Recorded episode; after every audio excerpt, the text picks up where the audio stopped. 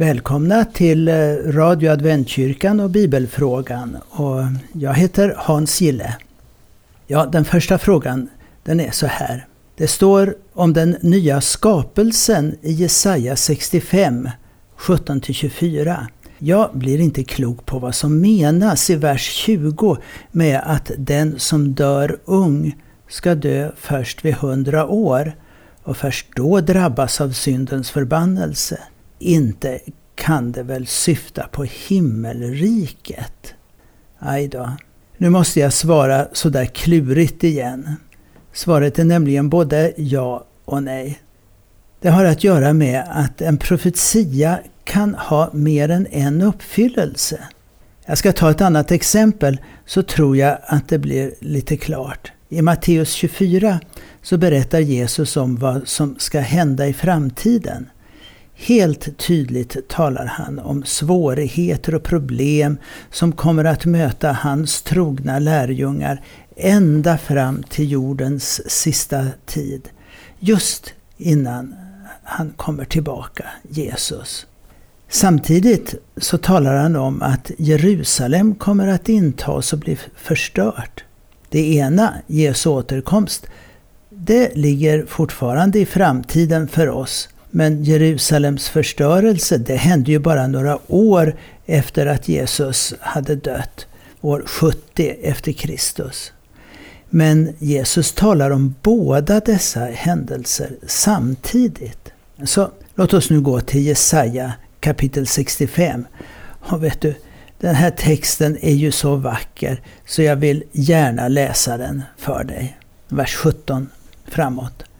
Se, jag ska skapa nya himlar och en ny jord och det som varit ska man inte längre minnas eller tänka på. Var glada och jubla för evigt över det jag skapar. För jag skapar Jerusalem till jubel och dess befolkning till glädje. Jag ska jubla över Jerusalem och glädja mig över mitt folk. Där ska inte mer höras någon gråt och klagan. Där ska inte mer finnas spädbarn som bara lever några dagar eller gamla som inte får leva sin tid ut. Den som dör vid hundra års ålder anses som ung och den som inte uppnår hundra år betraktas som förbannad. De ska bygga hus och bo i dem, plantera vingårdar och äta deras frukt. De ska inte bygga hus åt andra och bo i och inte få odla åt andra och äta.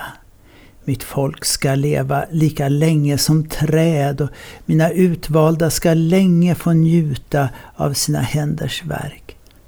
De ska inte arbeta förgäves och inte föda barn till en bråd död, för de är ett folk som Herren välsignat, de och deras efterkommande. Då ska det bli så att innan de ropar ska jag svara och medan de ännu talar ska jag bönhöra dem. Varg och lamm betar tillsammans, lejonet äter hö som oxen och jord är ormens föda. Ingenstans på mitt heliga berg ska de göra något ont eller fördärvligt, säger Herren. Det här avsnittet har många hänvisningar till Gamla Testamentet men också några till Nya Testamentet. Två exempel på det senare. Andra Petrus 3 och 13. Men enligt hans löfte ser vi fram emot nya himlar och en ny jord där rättfärdighet bor. Och den andra är från Uppenbarelseboken 21 och 1. Sedan såg jag en ny himmel och en ny jord, för den första himlen och den första jorden var borta och havet fanns inte mer. Och jag såg den heliga staden, det nya Jerusalem, komma ner från himlen, från Gud. Den var smyckad som en brud för sin brudgum. Jag hörde en stark röst från tronen säga Se, nu har Guds sitt tält bland människorna. Han ska bo tillsammans med dem och de ska vara hans folk. Ja, Gud själv ska vara hos dem. Han ska torka alla tårar från deras ögon. Döden ska inte finnas mer och inte heller någon sorg eller gråt eller plåga. För det som en gång fanns är borta. Ja, här i Uppenbarelseboken har vi en tydlig hänvisning till Jesaja bok och inte minst det aktuella kapitlet 65. Nya himlar och en ny jord, en nytt Jerusalem är det vi ser i Uppenbarelseboken. Jesaja 65 talar om ett helt annorlunda Jerusalem, vers 18. För jag skapar Jerusalem till jubel. Och visst är det Jerusalem det handlar om, nästa vers. Jag ska jubla över Jerusalem. Och texten vidare handlar ju om just detta Jerusalem. Det är så otroligt mycket som är knutet till just staden Jerusalem. Och här kommer det dubbla budskapet i Jesaja. Det var ju verkligen så att Gud ville att Jerusalem skulle vara den plats som tog emot honom och som sedan skulle vara ett vittne för folkslagen. Jesaja ser den välsignelse som skulle ha kommit till staden och dess folk, till dem alla, om de verkligen hade tagit emot honom. Och det verkliga provet var ju om de ville ta emot Messias. Men när Jesus rider in i Jerusalem så läser vi när han sedan kom närmare och såg staden framför sig brast han i gråt över den. Tänk om du idag hade förstått hur du skulle kunna få fred, sa han. Men nu är det fördolt för dig. Den stad och det folk som Jesus älskade så mycket att han grät över dem, ja, de tog inte emot Messias, Gud själv, och förlorade därmed något viktigt. Men Guds löften stod ju kvar och de löftena i till exempel Jesaja som var för detta jordiska Jerusalem, det flyttades över till det himmelska Jerusalem. Det är därför som vi har parallellen mellan Uppenbarelseboken 21 och Jesaja 65. Uppenbarelseboken upprepar inte hela texten, men visar på samhörigheten. Det som på jorden kunde ge ett långt liv, så gammalt som träden, hundra år och mer, det gör nu Gud till någonting ännu bättre, ett evigt liv. Och Jerusalem blir nu den himmelska Jerusalem som till sist landar här på jorden. Så när vi tänker på himlen och den nya jorden så har vi ju med oss många av just de här bilderna från Jesaja. Om lammen som är tillsammans med vargar och så vidare. Och tillsammans bildar de en enhet. Bibeln hänger ihop och delarna kompletterar varandra. Och visst är det skönt när livet känns tungt att veta verkligen att det finns någonting bättre. Någonting mycket bättre. Ja, så har jag en fråga till här. Och eh, den är så här. Hej! Jag lyssnade en del på radiogudstjänsten på radions P1. Texten var från Lukas 2 om Simon eller Symeon i templet. Och i vers 29 vill han gå hem i frid. Var är han på väg? Ska han bara lämna templet och gå hem till sig? Eller menar han att han nu kan gå hem till Gud? En vanlig fras i många dödsannonser. Jag undrar bara. Tack. Det här är en bibelfråga som verkligen sätter Bibeln i fokus. Jag har faktiskt inte tänkt på att en del moderna översättningar har översättningen Gå hem i frid. När den gamla översättningen 1917 års hade Fara i frid. Och folkbibeln har faktiskt slutat sina dagar. Men eh, så ser jag att det var den gamla upplagan jag då tittade i. Den nya folkbibeln har också Gå hem numera. Jag blev riktigt fundersam. Varifrån kom då Gå hem?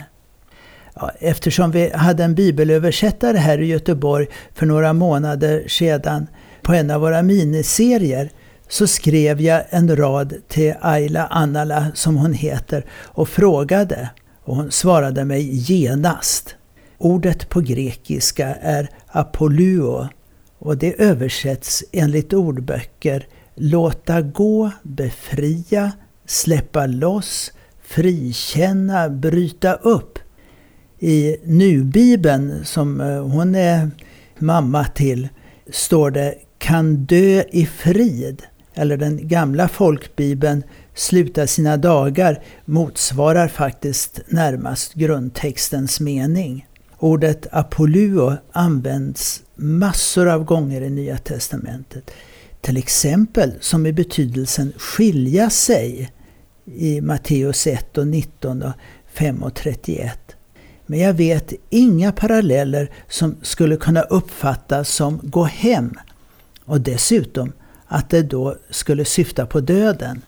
Möjligen kan det i Simons fall tolkas som att bara gå i frid från templet. Men även då blir hem ett tillägg som kan misstolkas. Apollo förekommer också i apokryferna, men ingenting talar för någon gå hem-tanke där heller. Varifrån översättningen gå hem kommer, det vet jag verkligen inte, säger Ayla. Och jag säger bara tack.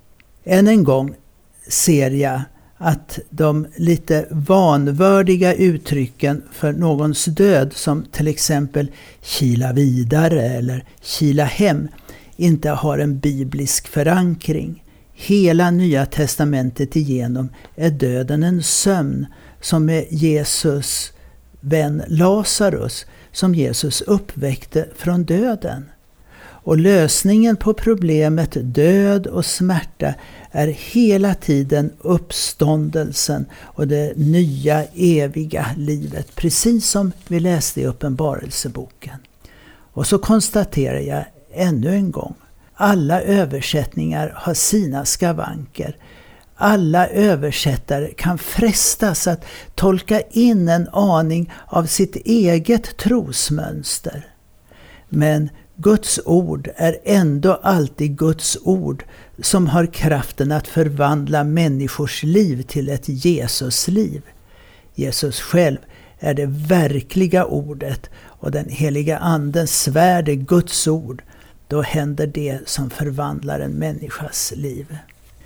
Och med det så får jag tacka för den här gången och eh, så vill jag säga att vi som vanligt har eh, gudstjänster klockan eh, 11.30 här i adventkyrkan. Och redan klockan 10.30 kan du komma hit på bibelstudium. Och då går du till Norra Allégatan 6 nära Järntorget. Och har du en fråga som du vill eh, att vi ska försöka besvara här så eh, ring 031 711 11 99. Eller du kan också mejla till radioadventkyrkan telia.com. Tack ska ni ha och jag glömde faktiskt att säga, det är ju faktiskt på lördagar som vi har gudstjänsten här. Så lördagar klockan 10.30 bibelstudium och klockan 11.30 gudstjänst. Så var varmt välkommen hit. Jag heter Hans Gille och du har lyssnat till Radio Adventkyrkan.